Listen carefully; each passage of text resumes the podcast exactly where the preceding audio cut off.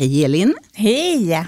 Hur mår du idag? Ja, men jag mår bra. Det känns som att vi är igång igen. Ja, mm. Härligt. Men du, vi pratade lite kort här innan om eh, budgettips.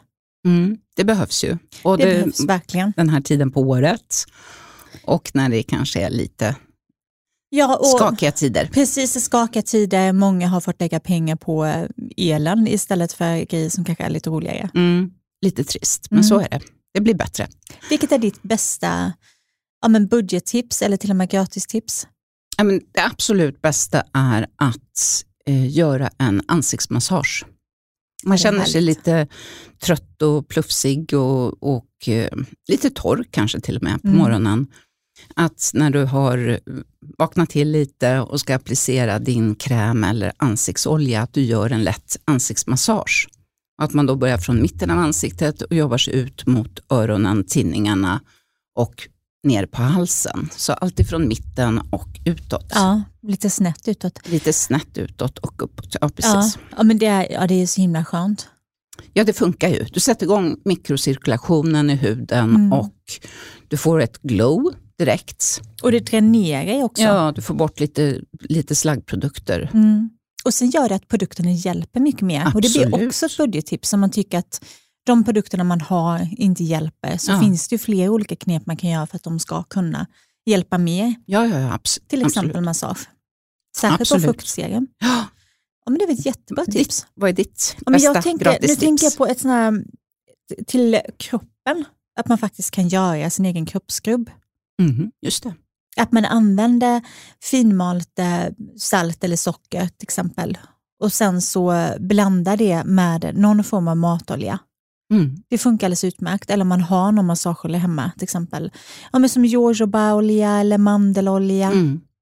Borde ju funka med vanlig rapsolja också. Ja, men det, det gör det också. Och det är, den är ju rik på E-vitamin. Ja, men precis. Den är både billig och bra. Precis, och den kanske den ändå stek i, så det mm. man ändå har hemma. ja, det tror jag de flesta har. Men du, har provat kaffesump någon gång? Det var många som körde för några år sedan. Pila med kaffesump. Jag har faktiskt inte gjort det, men det är ändå bara för att jag är lite rädd för att jag ska lukta väldigt mycket kaffe efter. Mm. Men det är många som använder det också på grund av solfläckar, men det tycker mm. jag funkar sådär. Då finns det andra grejer som är bättre tycker jag. Men eh, annars är ju det en grej också, för det är också finmalt och det är lite mjukt. Det är mm. ingenting som sliter på huden. Jag tycker inte man ska ha det i ansiktet, men, men man kan testa det på kroppen. Ja, så är det kanske. Det blir ju en restprodukt av någonting. Om du har gjort kaffe så blir ju ja, det här kvar. Så det är ju väldigt eh, både miljö, miljövänligt och ekonomiskt egentligen. Precis. Jag har aldrig provat så jag kan inte uttala mig. Sägs det inte att man ska lägga det, att man kan använda det som gödsel också? Eller bland, jag har Vet inte, jag har inte Nästan så gröna svarta fingrar, så ja. lita inte på det. Men det är bara någonting jag fått för mig. Jag är inte heller växtexpert. Men hudexpert. Vi, ja, mm. det är vi båda två. Ja. vi håller oss till det kanske. Precis. Mm. Sen pratade vi det här om att duscha i kallt vatten för att få igång cirkulationen. Mm. Det är också ett superbra tips. Mm. Och det är ju lite glow också. Det ger lite glow och man pignar till. det gör man. Och man behöver inte betala lika mycket för uppvärmningen. Nej, men gud, det, är ju jätte, det, det, det här kan ju vara det bästa tipset faktiskt. det är många flugor i en smäll. Ja, det är liksom. det verkligen. Mm. Det måste vi säga. Och Sen tycker jag inte att, men jag vet att det har varit diskussioner om det här med att dricka vatten fram och tillbaka, men först skulle man dricka massor med vatten och sen skulle man knappt dricka något vatten alls, för all mm. mat innehöll vatten. Och, men eh, alltså, det Speciellt om man vet att man dricker mycket kaffe. En kopp kaffe, då ska du dricka ett glas vatten, för, för kaffe är ju vätskedrivande. Ja. vet inte hur det är med te, jag är inte tedrickare, men det är ju du. Ja, det är inte, inte lika mycket vätskedrivande Nej. i alla fall. Det beror på lite vilket te det är. Det är klart, ja, precis. Om det är koffein i ja. Precis. Mm. Men jag tänker också att vatten är superbra att dricka, men det kommer inte hjälpa huden om man inte har en vätskebrist. Det Nej. hjälper ju inte att dricka fyra liter vatten per dag, då, då påfrestar man bara njurarna. Ja, men dricker man för lite så blir man lätt lite plufsig och lite påsar under ögonen. Precis, och ont i huvudet och allt det ja, också. Så att lagom är bäst. Lagom är verkligen bäst. Och En annan grej som jag tycker också är ett bra budgettips, det är att eh, hålla sina handdukar fräscha. Mm. För det gör också så himla mycket om man tvättar ansiktet och sen så torkar man som en, en halvfräsch handduk efter. Och örngotten. Och örngotten, mm, precis. Också viktigt. Mm. Kostar lite att tvätta visserligen, ja. men mm. Eh, Det är i alla fall inte jättedyrt jämfört med om man ska köpa nya krämer. Nej, det är det inte. Ja, det var lite budgettips. Om, om du som lyssnar har något sånt där riktigt, riktigt bra budgettips när det kommer till skönhet så tycker jag att du kan ta och eh, kommentera vår Instagram så kan vi samla på en del budgettips där som kan hjälpa alla. Och vårt Instagramkonto hittar du på Hudvärdsdjungeln. Idag ska vi ha in en eh, manlig hudterapeut. Just det. det finns ju inte så jättemånga. Nej, det finns väldigt få faktiskt. Mm. Jag, det, jag vet bara en handfull. Mm. Som jag inte ens vet om alla jobbar som hudterapeuter idag. Nej, det är ju Men det också. har gått utbildningen ja, i alla fall. Precis. Mm. Benjamin Liljeblad, det ska bli jättespännande. Det ska det. Mm. Och innan dess är det som vanligt dags för Beautysvepet. Den här veckan vill jag tipsa dig om att skrubba bort din sura min. För när du pilar kroppen så sätter du fart både på mikrocirkulationen i huden, hudstrukturen blir lite jämnare och betydligt mjukare och lenare. Men när du använder kroppspilning så behöver du undvika ansikte, hals och dekolletage. De vill hellre ha ansiktsprodukter, de delarna. Låt konen jobba och använd inte ett för hårt tryck för att då kan du istället skada huden. Du behöver också undvika att pila dig på till exempel öppna småsår, ganska nya ärr och så vidare. Men det är ganska logiskt. Jag tycker att det är superbra med eh, torrborstning. Det kan du göra innan du hoppar in i duschen. Och sen i duschen så kan du använda en eh, kroppspilning antingen som den är eller på en eh, skrubbvante. Jag har några favoriter. Just nu alternerar jag bland annat mellan eh, Chamomile Body Scrub från Justin Florian som är en krämig kroppspeeling. Den pilar med eh, jojobakulor från jojobaolja. Väldigt snäll mot huden. Luktar spa. Sen har jag en eh, annan favorit från eh, The Body Shop som heter Boost Sugar Body Polish som också är krämig i konsistensen och har en sån här riktigt härlig juicy citrondoft. Eller citrusdoft, det är bland annat lite mandarinolja i. Det är också chiasmör och olivolja. En eh, tredje favorit är från eh, L'Occitane. Almond Shower Scrub som är mer av en gelé konsistensen som du nästan kan fluffa upp lite mellan händerna. Och den är tillräckligt snäll för att användas dagligen, så den är lite mildare. Ett budgettips kommer från Dove och heter Exfoliating Body Polish, som även den har en krämig konsistens och finns i flera olika dofter. När du skubbar det så ska du börja från ändarna av kroppen, alltså händer och fötter och skubba i cirkulerande tag mot hjärtat för att få cirkulationen i rätt riktning.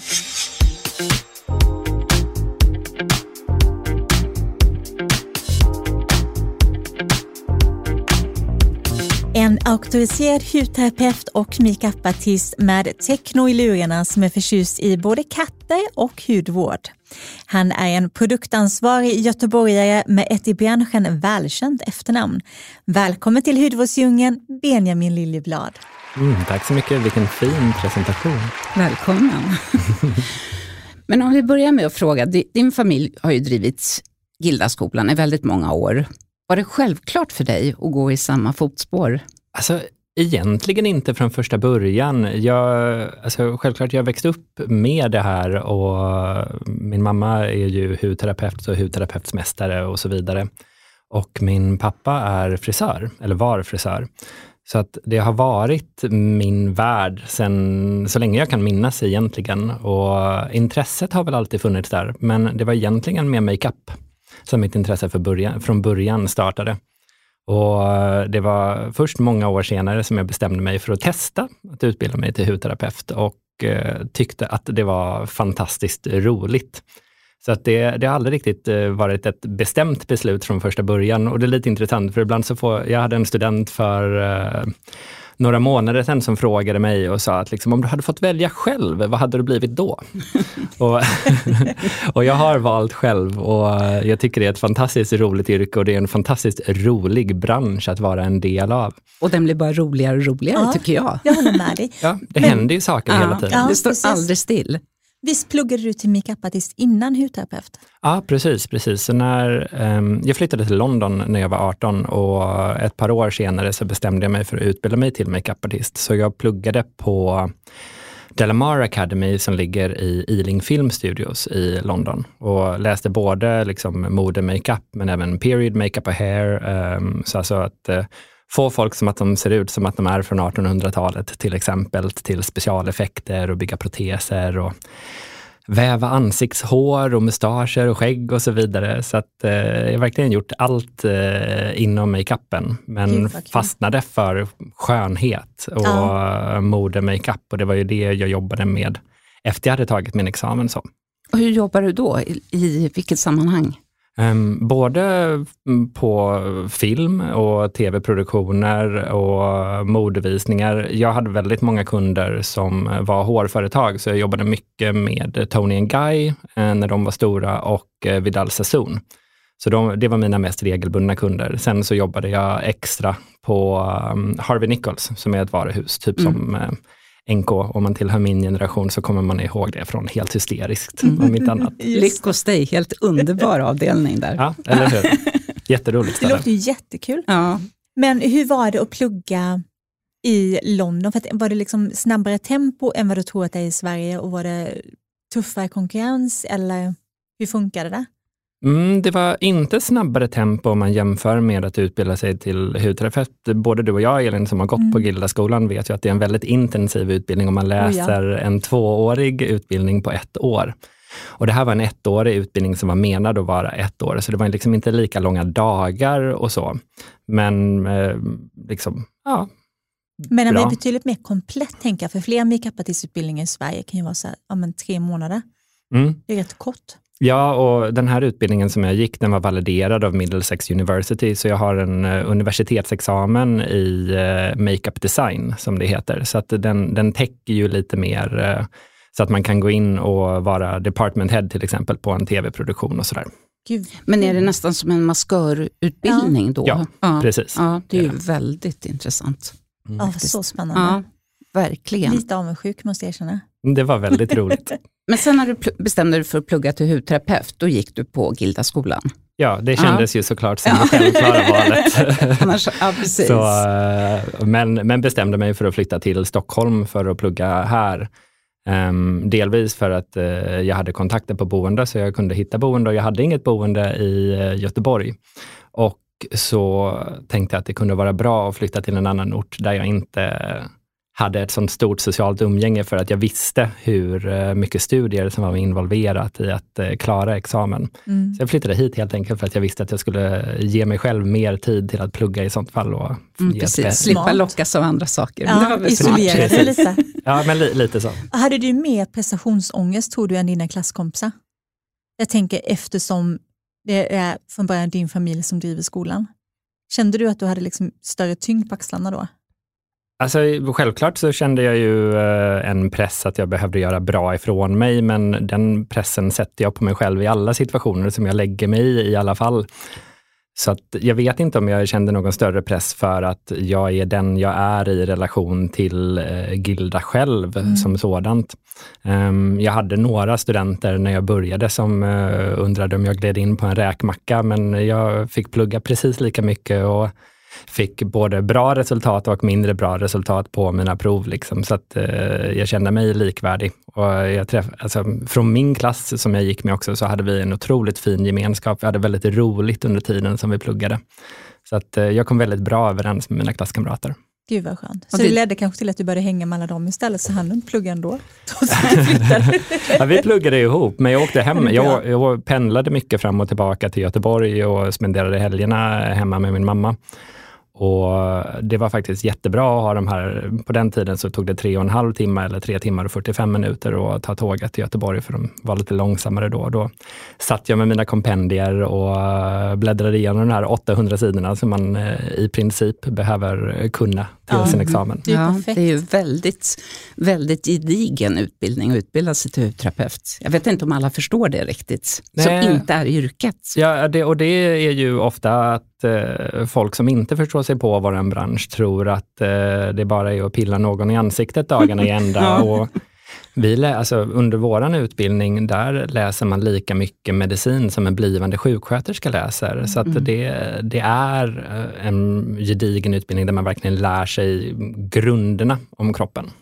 Ja. Och jag håller med. När jag skulle börja plugga så var det fler som bara, okej, ska du, ska du lära dig att klämma finnar? Mm. Och det där har man hört några Nej, gånger. Alltså, det är lite mer än så. Men det är okunskap får man ja, tänka. Men det är ju det. Ja. Det är ju anatomi och fysiologi och det är dermatologi och ja, ja. fysik och kemi. kemi och, ja. Mm, absolut. Men det är ju ganska få män som, är, som både är och har utbildat sig till auktoriserade hudterapeuter. Har du någon aning liksom om hur procentuellt hur många det kan vara?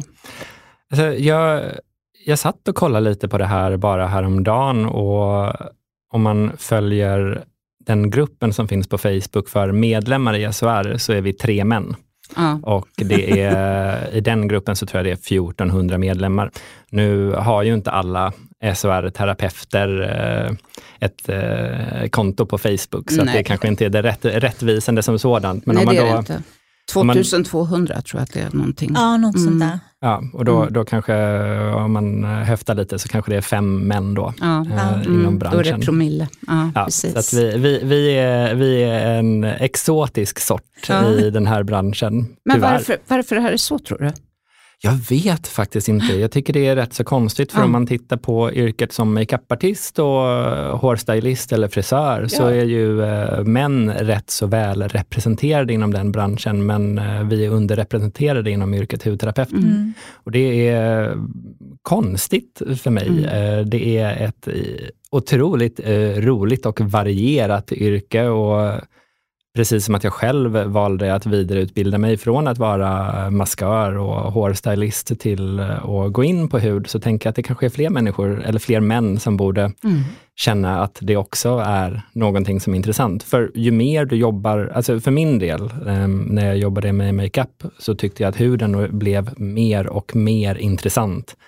Och den makeupartisten jag är använder väldigt lite makeup överlag, för att om huden har en eh, bra kvalitet så är det nästan tråkigt att lägga för mycket produkter på huden, för att det, det döljer någonting som kan vara otroligt vackert i sig självt. Ja, så bra sagt ja, tycker jag. Verkligen. Mm. Men är det någonting som kan ligga en manlig hudterapeut, är det någonting som ligger en i fatet, liksom, att, som inte är så, som kan ställa till problem, till exempel att göra kroppsanalyser till exempel på Mm, jag, jag, upplevde inte det under eh, tiden som jag praktiserade som terapeut, utan det var snarare att eh, kunderna tyckte det var spännande att bli behandlad av en man. Och under tiden som jag utbildade mig så var det också en jättefördel med att vi hade en kille i klassen. Mm. För att man fick lära sig att eh, vaxa kroppsdelar till exempel, Just som man det. kanske inte hade fått praktisera på om man hade, bara hade haft kvinnliga klasskamrater. Och sådär. Så att, eh, ja, sen vissa lite äldre kunder kunde tycka att Jaha, kan du det här? okay. Men det, det är ju också ok ja. okunskap. Liksom. Det kan de också säga att det är en väldigt ung hudterapeut. Jag var väldigt ung när jag hade gått min utbildning och då, då var det också en fråga jag fick. Är du säker på att du klarar av det här? Mm. Jag ska försöka. ja, det gick bra. Ja, det gick ja. faktiskt riktigt bra. Vad ska man göra? Så man bara, nej, jag är inte säker faktiskt. tror jag går ifrån. Ja, precis.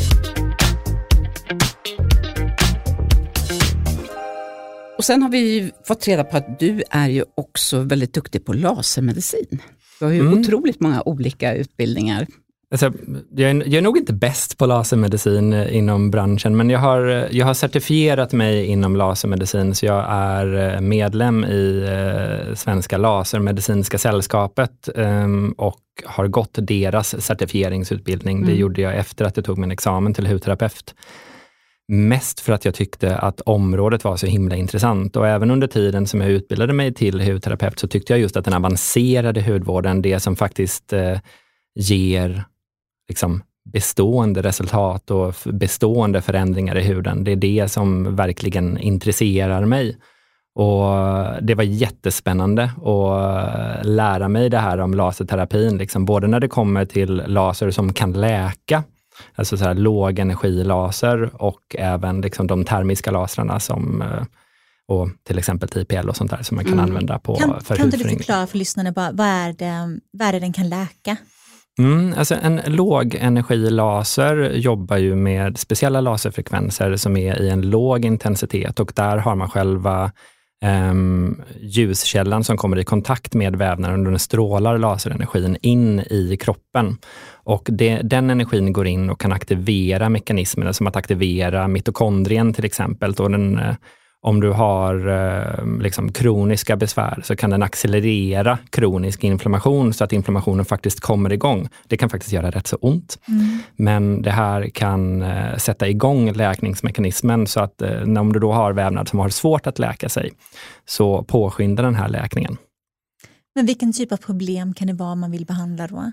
Alltså det kan vara alla typer av muskelinflammationer. Det kan vara um, typ, olika typer av eksem i uh, huden.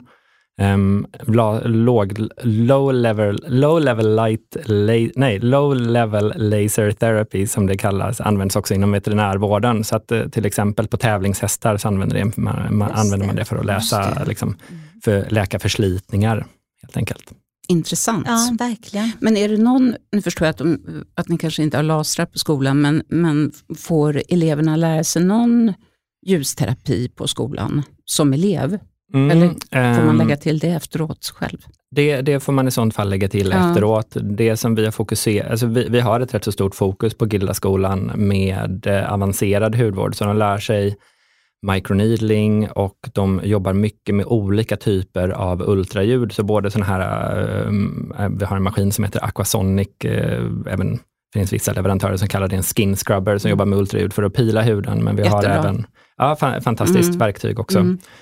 Och vi jobbar med en patenterad maskin från eh, en av våra leverantörer i Tyskland som jobbar med två frekvenser av ultraljud som den pulsar ner i huden och eh, det ger faktiskt en liknande effekt som laser gör när det kommer till att skynda på läkning för att det sätter cellen i vibration och det kan aktivera näringsutbytet inne i cellen och aktivera produktionen av adenosintrifosfat till exempel för att eh, påskynda aktivitet och öka läkning. Det här spännande. är ju, ja, så spännande och så bra att eleverna får lära sig det här, för det här mm. är ju mm. framtiden med apparaturen. Och det är också, det är också mm. de här behandlingarna som uh, har god lönsamhet när man är ute och jobbar också. Mm. Så att, uh, och mycket av anledningen till att vi har de här olika teknologierna på skolan, det är ju mitt intresse för det mm. avancerade och det som faktiskt uh, gör skillnad. Och det är ju ofta det vi får höra från studenterna också, att det är därför de har sökt sig till vår utbildning, mm. just för att de får lära sig tekniker som de kanske inte får lära sig på andra platser. Så otroligt bra ja, tycker jag. Verkligen. Men hur ser ditt arbete ut idag? Vad gör du mest? Jag gör väldigt många olika saker. Det blir ju så i ett eh, familjeföretag att eh, man går in och jobbar där det behövs. Men min vanliga tjänst är som produktchef och produktutbildare och företagssäljare för eh, Gilda Liljeblad. Mm. Det hudvårdsmärket som vi själva tillverkar. Um, sen uh, jobbar jag extra som utbildare på skolan, så jag lär studenterna microneedling och lär ut den här um, ultraljudsmaskinen till exempel och hjälper till att handleda i salongen för att stimulera och inspirera studenterna mm. så att mm. de tycker det är, är kul att lära sig. Det är ju så roligt att undervisa. Det tycker ja, jag också. Det, det, det, det är så häftigt mm. att få mm. följa de här studenternas resa och när man verkligen kan se hur poletten trillar ner mm. och de bara, ah, just det, nu jäklar. Och hur de utvecklas under ja. tiden. Ja. Både, ja, både liksom yrkesmässigt men också en mm. hel del mentalt. Mm. Faktiskt. Det är väldigt givande. Ja, det är det. När var det du um, utbildade Anna-Karin? Du är utbildad på en skola också? Ja, det gjorde jag. Eh, på en statlig skola som, mm. eh, som låg i Stockholm. Finns inte i Stockholm längre, finns i Landskrona, tror jag. Mm. Faktiskt. Ja, det kan ju ha varit kanske 15 år sedan. Och det var inte på heltid. Jag drev ju en salong i 30 år, så att jag gjorde det, och då hade jag personal på salongen.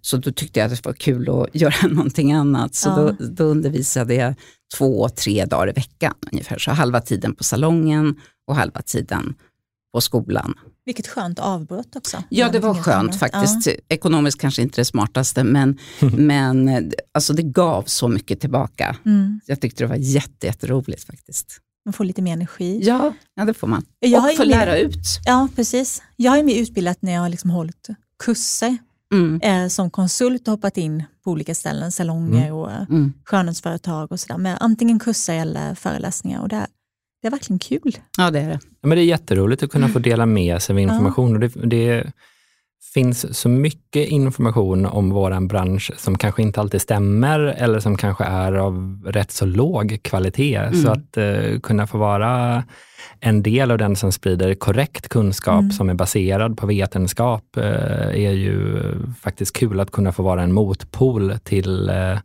mycket information som kanske inte alltid stämmer, ja. tyvärr. Helt rätt. Men nu när du pratar om det, nu har du ju utbildat dig otroligt mycket. Finns det någonting kvar som du känner att ja, men jag vill även göra här? Jag tänker kanske som mästarbrev. Jag vet att din mamma har mästarbrev, det har jag också. Är det mm. någonting du skulle kunna tänka dig? Jag hade gärna haft ett mästarbrev, men eh, jag tror att regelverket begränsar mig i den egenskapen för att du måste arbeta aktivt med själva hantverksyrket, så att du måste utföra behandlingen, behandlingar på en daglig basis. Och eh, i min roll som då både produktutvecklare och säljare och utbildare så faller inte jag inom den kategorin. Nej, du har inte tillräckligt många timmar Nej, på precis, dygnet. Precis, pre precis, precis. Men det hade faktiskt varit jätteroligt mm. att kunna göra det och jag har ju tagit gesällen så att mm, eh, jag har eh, jag har, jag har det förspänt om, eh, om regelverket vid ja, något precis. senare tillfälle skulle ja, kunna ändras. Då kan jag göra ett litet undantag. Ja, hoppas det. Finns det ett överflöd av hudterapeuter på marknaden just nu? Jag tänker efter pandemin och allt som hände för några år sedan. Alltså tvärtom skulle jag säga. Är det, det så? Ja, ja. Det, våran bransch skriker efter kompetenta terapeuter. Um, genom samtliga våra tre skolor, både i Göteborg, Stockholm och i Malmö, så har alla våra studenter jobb innan de har tagit examen. Det finns vissa undantag, men det är de som känner att okej, okay, men det är inte det här jag vill jobba med när jag har tagit sin, min examen. Och de har ju såklart inte ett jobb, men alla våra andra studenter, de har redan anställning innan de har gått upp och tagit sin Cedesco-examen. Och branschen skriker ju fullkomligt efter att hitta bra människor som vill komma och jobba på både kliniker och på spa. Så att jag tror absolut att eh, om man är sugen på att bli hudterapeut så är det en bransch där det finns arbete när man väl har tagit sin examen. Ja precis och sen är det ju så att det är inte bara salong och spa utan vissa hudterapeuter går ju kanske direkt till en agentur eller någonting Absolut. sånt och jobbar och kanske utbildar andra mm. hudterapeuter i ett varumärke till exempel. Absolut. Så branschen är ju egentligen bredare än vad man tänker när man tänker hudterapeut tror jag. Mm, ja, men det tror jag också. Det finns så många olika alternativ. Ja, vi, vi har ju många av våra examinerade går ut och jobbar runt om i världen. Man får ju en internationell examen också, så är man sugen på att resa med sitt arbete så kan man ju åka iväg på kryssningsbåtar eller åka till semesterdestinationer, leva ett liv i solen till exempel. Vi eh, har ju en tjej som eh, gick hos oss och hon, eh, hon vann massa medaljer när hon tävlade också. Hon vann SM två gånger och så vidare och hon är iväg och jobbar som eh, utbildare för Raison d'être. Så hon åker runt på alla de här absolut lyxigaste, tjusigaste span runt över hela världen och utbildar pers personalen där i hur de ska utföra behandlingarna på korrekt sätt. Så det är, trevligt yrke, eller trevligt ja, jobb. Eller, eller hur? Ja. Eller hur? Det, det, jag, följ, jag följer henne på sociala medier, jag brukar se henne liksom, ibland, ibland är hon i Antarktis och wow. ibland är hon wow, i Maldiverna. Liksom. Jag vet när jag jobbade som utbildare för en för en agentur och då åkte jag också runt och utbildade i behandlingar. Men det var ju ja, men från Ystad till Piteå. Ja.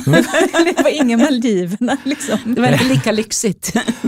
Nej, det var lite annan.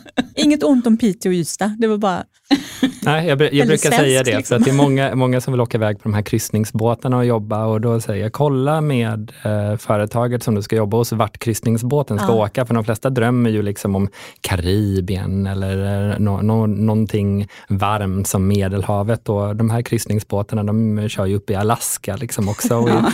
Är, är, man då från Sverige så kanske man inte riktigt längtar till att ha ännu mer kyla. Nej. Det känns som att vi har tillräckligt. Mm. Men du, testar du några andra produkter än eh, er egna? Använder du några andra hudvårdsmärken?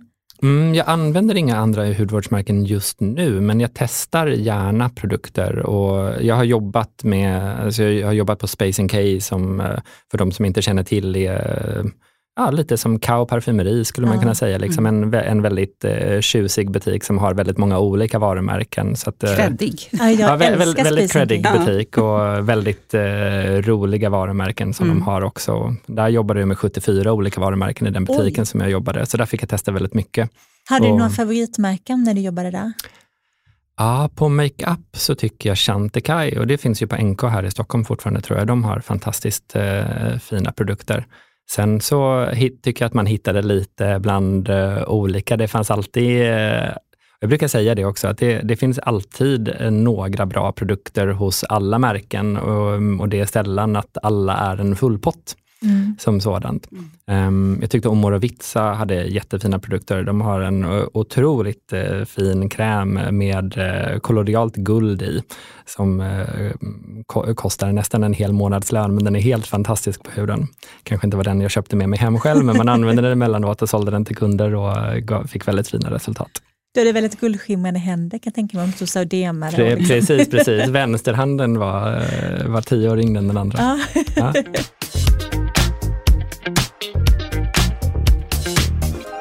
Det här avsnittet av Hudvårdsdjungeln sponsras av I am by Swedish Haircare som är ett svenskt, veganskt och superbra hårvårdsmärke.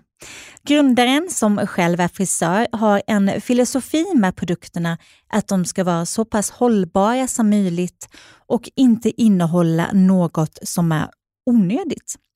Förpackningarna som är skapade av återvunnen plast har till exempel inga flippkorkar eftersom det är viktigt att även de med olika funktionshinder lättare ska få upp förpackningen. Vi älskar det inkluderande tänket. I sortimentet finns det nio produkter, varav flera är multifunktionella och går att blanda med varandra för att kunna få olika resultat. Roligt för dig som gillar att mixtra utan att slippa köpa en hel arsenal av produkter. Min favoritprodukt i sortimentet är ett eh, Livin balsam som jag använder både till mig själv och till mina två barn och det har jag gjort i flera års tid nu. En annan favorit är nya fönkrämen I am Fiber Foundation som hjälper dig att få salongsfönat hår hemma. Produkterna säljs hos utvalda frisörsalonger och även på eh, deras webbshop shop.iambyswedishhaircare.com.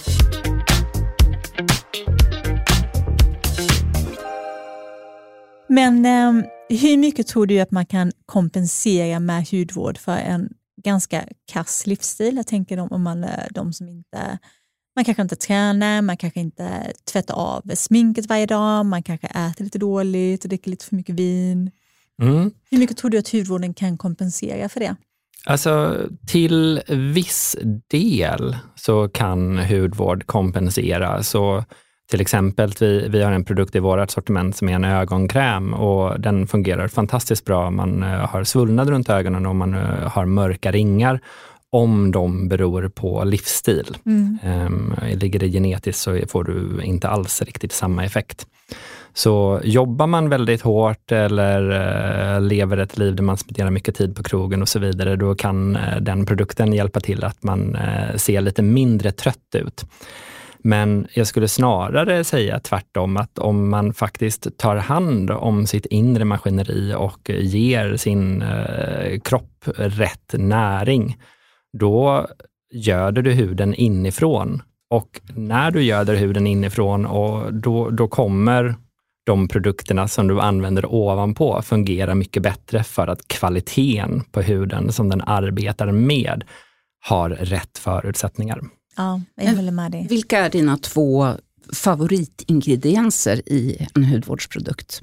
Oj, um, det är jättesvårt att mm. svara på, för, och, och, det vet ju du också som jobbar med produktutveckling, att det är ju faktiskt allting från oljorna och estrarna du väljer till själva emulgatorn som hjälper ingredienserna att komma in ner i huden som faktiskt är eh, betydelsefulla. Mm. Och Det är också därför om man använder de här budgetmärkena som fokuserar på enstaka ingredienser, att man sällan får det resultatet som man kanske hade hoppats på. Mm. Men, Nej, det är synergin ja, men, men, precis. Det, ja. det, det, är ju alla ingredienser mm. som går i en produkt som faktiskt står för slutresultatet. Men om man ska prata om de aktiva ingredienserna och de ingredienserna som konsumenten förstår sig på, mm. så är det ju vitamin A och vitamin C och kanske tätt följt efter det niacinamid. Mm. Men eh, man kanske behöver några andra ingredienser också ja, för att korrigera, korrigera, vissa grejer liksom, ja. så att det blir bra. Jag skriver under på dem också. Ja, det gör vi. och på tal om, om kass livsstil, vitamin C är något som är jätteviktigt för alla er som eh, röker. Mm. För att rökning bryter ner C-vitamin mycket mm. snabbare. Och eh, huden är det som får minst. Ja men precis. Av allt det som är bra. Det, ska gå lägst ner, av, ja, lägst ner i kedjan. Hierarkin, ja, ja. tyvärr. Så är det. Men jag tänker också att en hudvårdsrutin eller en bra hudvårdsrutin, det kan ju vara lite som om en, en bra gymrutin. Mm. Och nu i början av året kanske många känner att okej, okay, jag har börjat gymma, jag har börjat sköta huden, nu jäklar kör vi. Och sen så håller det fram till, vad ska vi säga, mars ut kanske. Mm. Och sen kanske man börjar slarva. Har du något tips för att hålla en bra hudvårdsrutin vid liv? Ja, alltså, egentligen så tror jag mitt bästa råd när det kommer till att hålla vid sin hudvårdsrutin, det är att inte göra det för komplicerat. Att eh, bestämma sig för en rutin som man faktiskt håller vid och vare sig om det är ett steg eller, eh, ja, ett steg kanske man inte kommer så långt på, men no, några steg eller flera steg, så kan man faktiskt se på det så här att du måste inte vänta mellan varje steg när du gör din hudvårdsrutin. Du kan gå direkt från din rengöring, direkt på med ansiktsvatten om du använder det. Direkt efter så lägger du ditt serum, direkt efter ögonkräm om du har ett behov av det och direkt efter det använder du din kräm och sen ditt solskydd. Så att egentligen, om man inte har mycket tid eller om man inte finner njutning i den här självvårdsdelen, för det kan ju vara väldigt skönt mm. att ta den här stunden för sig själv och få en paus från allt annat som händer runt omkring en. Men om man inte, om man inte vill ta den tiden, om man tycker liksom att jag vill bara få det överstökat och gjort, då tar det faktiskt bara två minuter. Mm. Så det behöver inte vara det här liksom att man ska klappa in någonting och så ska man vänta liksom på att man hör änglasång och sen gå till nästa steg liksom i rutinen, utan det är från ett steg till det andra. Ja. Jättebra. Och sen får man vänta lite bara innan man sminkar sig. Ja, det får ja. man göra innan foundation. Sju, sju, sju, till tio minuter från att man lagt på sitt solskydd brukar man ju säga för att det här solskyddet ska kunna skapa en film mm. så att det sitter på plats. Och börjar man lägga på foundation direkt efter man har lagt solskyddet, då kanske man flyttar runt solskyddet så då har man en ojämn, ojämnt skydd i ansiktet. Så bra tips. Jag tycker också, en annan grej som man kan tänka på just för att få hudvårdsrutinen eh, att hålla där och ställa sin rengöring, eller i alla fall en rengöring i duschen. Mm. Ja, och Faktiskt, att man har en duschen och en på handfatet. Ja, ja men precis, det är perfekt. Jag och likadant ja, men... har man en ansiktspeeling i duschen så är det lättare att peelingen blir av, mm. än att man känner att man måste lägga tid på att pila sig och lägga på en mask. Då kan man ju lägga en nattmask också. Mm, absolut. Så jag gör faktiskt så att jag, jag blandar min rengöring med min peeling mm. några gånger i veckan och så gör jag båda två samtidigt och det funkar fantastiskt bra. Smart. Och jag, jag tror att om man pratar med hudterapeuter som har varit i branschen ett tag, liksom vi, vi, vi vet vad som funkar och vi vet hur snabbt man kan göra det för att få snabba resultat. Och mm ibland så, folk frågar mig ofta, liksom, ah, men vilka produkter använder du och hur, hur ser din rutin ut? Och tror att eh, om man då är hudterapeut och om man får komplimanger för att man har fin hud, att man spenderar väldigt mycket av sin tid. Um, men det gör man ju inte, utan det, det är ju bara att man har hittat de produkterna som faktiskt funkar och man vet precis hur man ska manipulera de olika produkterna. Ja, precis. Man går rakt på guld konen. Ja, så att säga. ja men precis, precis. Men du, en helt annan sak är, vi, vi får alltid frågor från lyssnarna om budgetknep. Mm. Så vad är ditt, dina bästa budgetknep när det gäller hudvård? Alltså, jag vet inte om jag är den bästa personen till att ge tips på budgetprodukter eftersom jag har växt upp med väldigt fina hudvårdsprodukter under hela mitt liv. Så de har egentligen alltid funnits tillgängliga till mig. Du är lite bortskämd på den. Jag är, li, jag är, jag är lite bortskämd på, på det. Mm. Så. Men jag har två stycken uh, budgettips. Um, det ena är två stycken produkter som kommer från Aven. Och de har en rengöring och en kräm som faller in under deras eh, underkategori som heter Tolerance Extreme. Och där finns det en rengöring och eh, en kräm som de, de består egentligen av samma ingredienser båda två. Det är bara sju ingredienser, den är mm. sterilt förpackad, ingen konservering i eller någonting sånt där. Och det är faktiskt två jättefina produkter och de kostar väl någonstans runt 150 kronor styck eller någonting sånt. Liksom. Så det, det är två riktigt fina produkter. Så om man kanske inte har medel till att köpa eh, den tjusigaste rengöringen och den tjusigaste krämen och serumet och ögonkrämen och tonen och så vidare, så kan man säkert komma rätt så långt med det och ett välformulerat serum och en välformulerad solskyddsprodukt som man upplever inte täpper till porerna, för det är oftast det som folk klagar på med sitt solskydd, att de tycker att det antingen ser kladdigt ut eller vaxartat eller vitt eller att de då får mer finna från det. Så att eh, kanske lägga krutet på eh, serum och krutet på eh, solskydd i sånt fall och ha lite, lite lägre budget på de andra produkterna. Det skulle kunna funka. Mm. Men mitt andra råd när det kommer till att få pengarna att räcka längre, det är att inse att man behöver inte alls använda så mycket produkt som man tror. Och Det här är någonting som vi pratar väldigt mycket med våra studenter om. Delvis att de ska lära sig att hushålla, um, så att man använder produkterna på rätt sätt, så att man inte slösar. Men sen också att man lär kunderna att mängden ögonkräm du behöver motsvarar ett riskorn mängden kräm som du behöver motsvarar liksom ungefär en kikärta i storlek. Du behöver inte mer produkt. Och bara för att du ser en influencer som använder 3-4 pump av ett serum betyder absolut inte att du måste använda 3-4 pump av ditt serum heller, för att då tar det slut fyra gånger så fort. Mm. Så och gör inte mer nytta heller. Nej, men precis. Nej, Nej, men det, nej, men det är det som är ja. grejen. Det, Huden tar ju inte upp den. Nej. Nej. Och sen kan vi säga att en kikärtas storlek, då är det både ansikte, hals och dekolletage. Det är det precis. vi tycker att man ska ja, smörja precis. Och envisas man med att bara smörja ansikte, eller som du Benjamin har skägg, så då kan man ju lägga ja, Jag masserar, in, jag masserar in i skägget också, oh, absolut. absolut. Så att, eh, det, det kliar det annars Gillar om jag, jag inte gör det. du har väldigt fin hud. Ja, mm, Tack. Jättefin lyster. Men har ni sett den här bilden på den här um, australiensiska kvinnan? Um, det var en kvinna i Australien och hon började använda solskydd för 40 år sedan, men smorde bara in ansiktet och inte halsen. Ja, den har jag sett. Jag tror inte jag har sett den. Jo, den jag kan ta fram den och visa den för dig sen, för det, det är verkligen ett testamente till varför det är så otroligt viktigt att använda produkterna mm. ner på halsen och varför solskydd är så otroligt viktigt. För ansiktshuden ser ut som på den på en 17-åring, 17 det var nog att men, eh, men kanske en 60-70-åring ja. i huden medans eh, nacken och halsen liksom har solar elastos och det finns eh, mm. olika typer av tidiga mm. typer av cancer som finns mm. där också. Liksom. Oh, så att det är verkligen två olika individer. Mm. Ja. ja.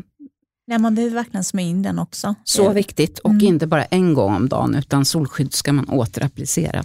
Ja. Det hoppas vi alla vet. ja.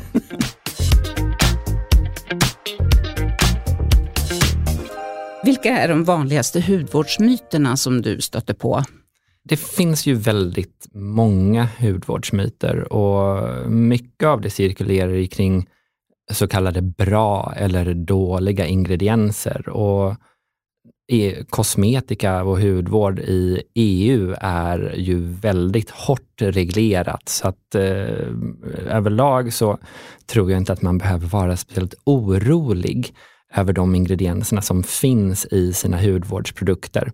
För att de är, alltså det största kravet som man har på sig som tillverkare är att man släpper ut en produkt på marknaden som är säker att använda. Mm.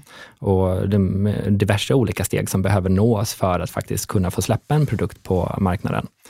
Så att förr så var det väl mycket eh, skam kopplat till olika ingredienser såsom parabener och pratade dåligt om eh, andra typer av konserveringsmedel. Och, um, när jag tog min examen så var ju ekologisk hudvård väldigt populärt och det har vi ju faktiskt, delvis kanske med, i och med covid, eh, tagit oss bort ifrån och nu är det mer vetenskapligt bevisad hudvård som konsumenterna faktiskt efterfrågar och det är vi väldigt tacksamma för, för det är det vi har jobbat med hela mm. tiden.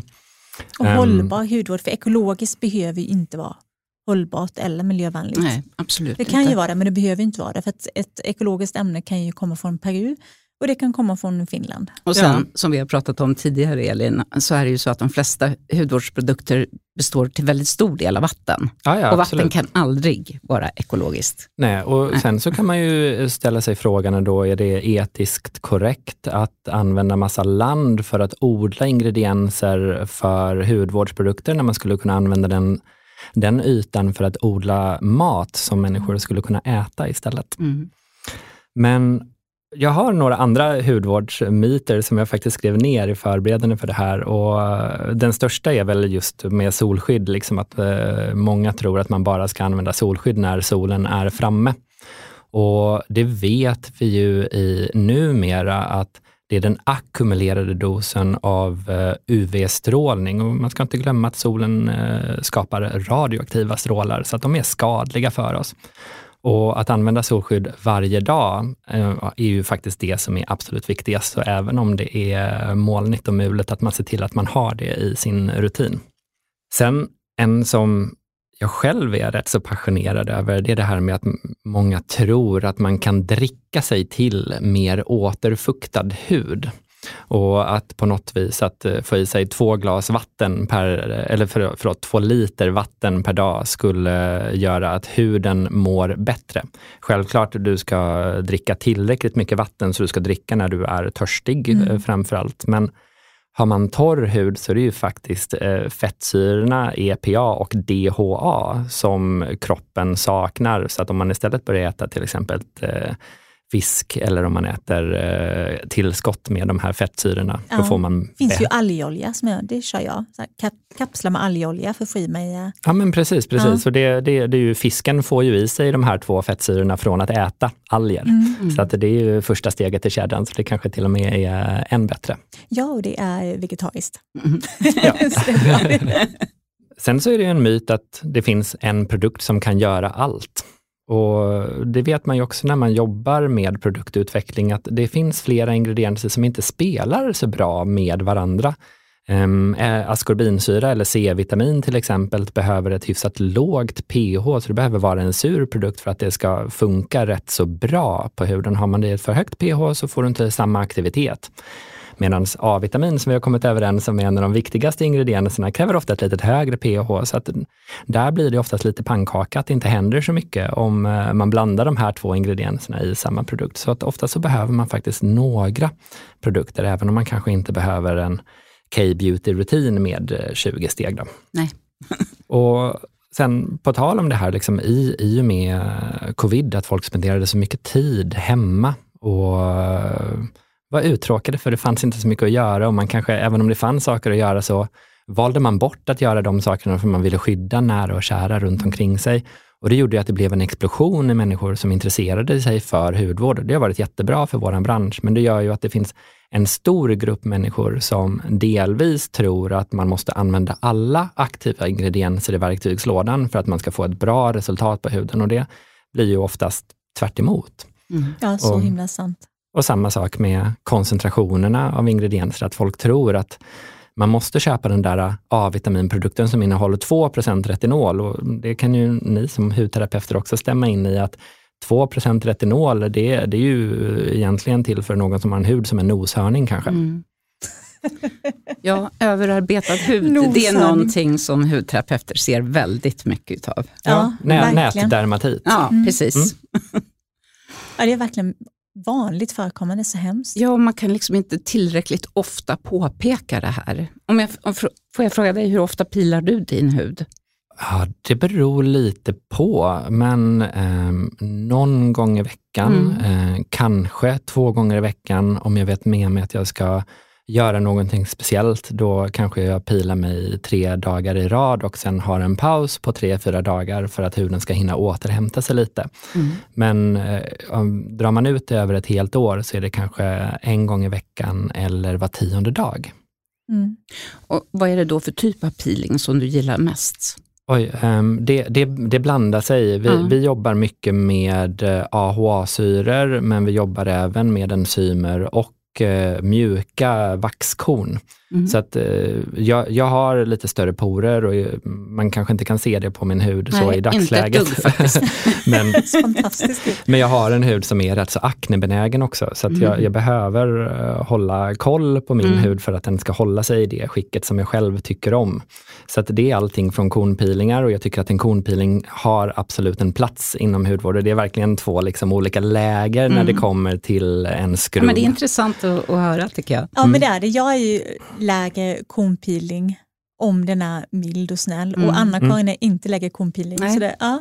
Ja, det, det, är intressant. Och den kornpeelingen som vi har, den innehåller både papain, så att du har eh, papaya-enzym som ger en kemisk exfoliering. Du får en mikroexfoliering med hjälp av, hjälp av kaolin, så att där får du lera som också är sammandragande. Och sen så är det um, resinvaxkorn och de är små och runda och när man masserar dem så blir de lite mjuka också. Så man, det rispar liksom inte. Smälter de lite eller? Nej, de smälter inte, Nej. de håller kvar men de, ja. de, de är sfäriska så att ja. det blir liksom aldrig de här kantiga partiklarna Nej, som kan göra att huden känns lite irriterad och lite känslig efter ja, att man har... Det klarar ju inte jag av, när de här, de här om, som du säger, rispiga, om man känner att det är sandpapper på huden. Det är inte min kopp te. Nej, det, nej, men det... Svider i huden Anna Ja, lite. Det är ju liksom 80-talet kommer tillbaka i huvudet. men, men, Elin, får jag fråga dig, hur ofta pilar du? Ja, men jag är ungefär likadan, en till två gånger mm. i veckan. Oftast blir det nog en och sen så blir det en extra om jag ska göra någonting speciellt. typ. Men jag tänker också att det kan ju vara värt för lyssnarna att förstå sig på också att jag tror att vi samtliga använder A-vitamin i någon form i mm. vår hudvårdsrutin. Mm. Och A-vitamin stöttar i hudens egna deskvamationsprocess, alltså hudens egna fjällningsmekanism. Så att man får ju en hud som exfolierar sig på ett naturligt sätt ja. när man använder det. Så att hade man kanske inte haft A-vitamin i sin rutin, då kanske man hade upplevt ett större behov av att pila huden kanske varannan Ofta. eller var tredje dag i sånt mm. fall, för att huden upplevs som lite skrovligare lite snabbare. Ja, och sen beror det på så mycket på vilken hudtyp man har också. Mm. Jag har ganska ja, blandad hud men ganska känslig. Mm. Ja, det har jag också. Typiskt in... skandinavisk ja. hud har jag med lite ytligare kärl. Ja, precis samma här. Och om man då har en um, grövre hud som inte är noshörning så, så är det ju lättare att pila den huden ofta. Ja. Så det beror också på lite vad man har för hudtyp och hudtillstånd och hur huden mår just nu. Ja, och precis som Benjamin säger, vad man använder för övriga produkter. För det är ju mm. också, idag är det ju otroligt många kunder som eh, använder en BHA-toner mm. nästan dagligdags. Eh, och då klart, då har du ju liksom en exfoliering redan där. Ja men precis, precis. Mm. Så det, det kan ju vara och då att man ska lite... man ju inte överarbeta med övriga peelingar. Nej, och det, det är väl också det som har blivit hur trenden har vänt från att det har varit väldigt fokuserat på exfoliering och det verkar som att det enda folk inom vår bransch pratar om just nu är barriären. Mm. Och Hudbarriären mm. har ju varit eh, viktig för alla hudterapeuter under alla år, så Alltid. det är ju egentligen ingenting nytt Nej, för oss för som oss. sådant, men eh, det verkar som att det är en, en uppenbarelse för, ja, men det är för bra. resten. Det är jättebra. Absolut. Ja, det är att skydda sin barriär så man inte skapar eksem. Var rädd, var rädd om huden. Ja, mm. precis. Du ska ha den hela livet. Ja, men precis. Man kan inte byta ut den. Nej, det kan man inte. Men du, vi måste börja prata om lite hudvårdstrender också. Ser du några kommande hudvårdstrender närmsta tiden? Alltså, det finns väl flera trender och nu, nu är inte jag på TikTok, där verkar det som att det är väldigt trendbaserat och det är nya trender varje vecka. Men den stora trenden som vi märker, det är ju just att fokuset börjar skifta till hudvård som faktiskt funkar. Mm. Att eh, just vetenskapen som går in i hur hudvård är skapad börjar eh, få fokus, eller har redan fått fokus skulle man kunna säga. Och Det här intresset ser ju vi att det växer och vi är väldigt, väldigt tacksamma för det. Sen så börjar ju intresset för minimalistiska hudvårdsrutiner bli större och större och jag tror att många konsumenter, delvis med att det ekonomiska läget eh, förändras, det är tuffare tider, man kanske inte har medel till att ha 10 eller 15 produkter i sin dagliga hudvårdsrutin som man då kanske har i en eh, om man gör liksom en hardcore koreansk hudvård, eh, hudvårdsrutin. Liksom. Så skinimalismen börjar ju bli eh, väldigt populärt, att man vill hitta produkter som är multifunktionella. Ni släppte ju precis också en, eh, en ny kräm som också liksom är väldigt eh, on-trend mm. när det kommer till just det där. Barriären är ju väldigt mm. populär just nu också och det knyter väl sig an liksom att man ska vårda sig själv. Hygien har ju blivit, alltså det kom ju med covid också, med att just att ta hand om sin hygien och hur handhygien och att liksom man ska sköta den hygienen har blivit väldigt viktigt. Ja. Sen, sen så ser vi att eh, vi ser ju gärna att trenden med så kallad S-beauty, alltså svensk beauty, att den fortsätter för att vi är många kompetenta varumärken i Sverige som gör eh, både internationellt prisvinnande och eh, högpresterande produkter. Ja, det så är att, så spännande. Mm, ja, men det är faktiskt jätteroligt om man tänker på hållbarhetsaspekten det mest hållbara du kan göra, om vi då återkommer till det här med att de flesta hudvårdsprodukter består till större delen av vatten.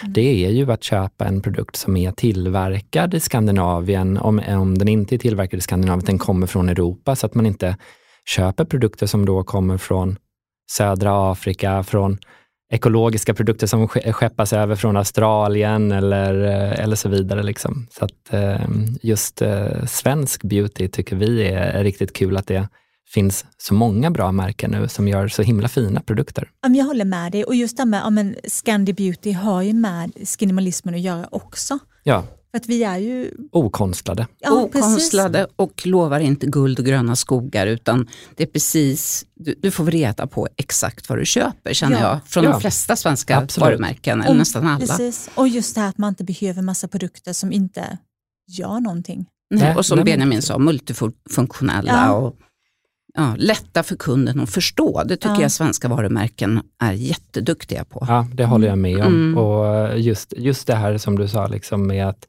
man inte lovar guld och gröna skogar, utan att man hellre lovar någonting som är realistiskt och sen så överträffar man kundens förväntningar mm. med de mm. resultat som de kommer. Det är ju så när man har drivit salong till exempel. Ja. Det är så man ser till att man får återkommande ja, men kunder. Precis, då kommer de tillbaka och är nöjda. Ja. Mm. Realistiska förväntningar. Tack snälla Benjamin. Ja, så intressant samtal. Ja, jätteintressant. Jättekul att vara här. Ja. Underbart. Verkligen, tack.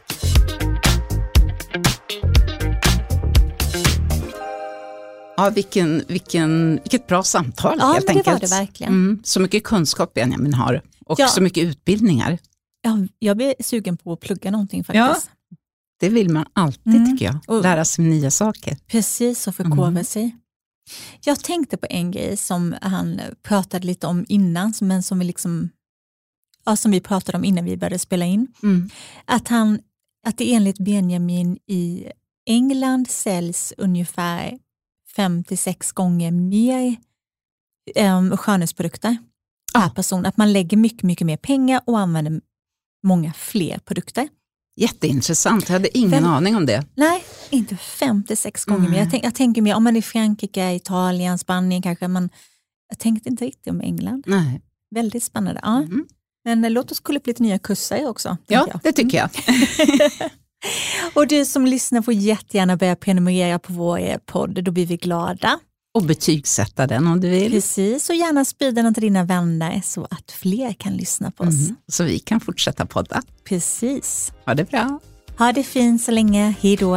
Hej.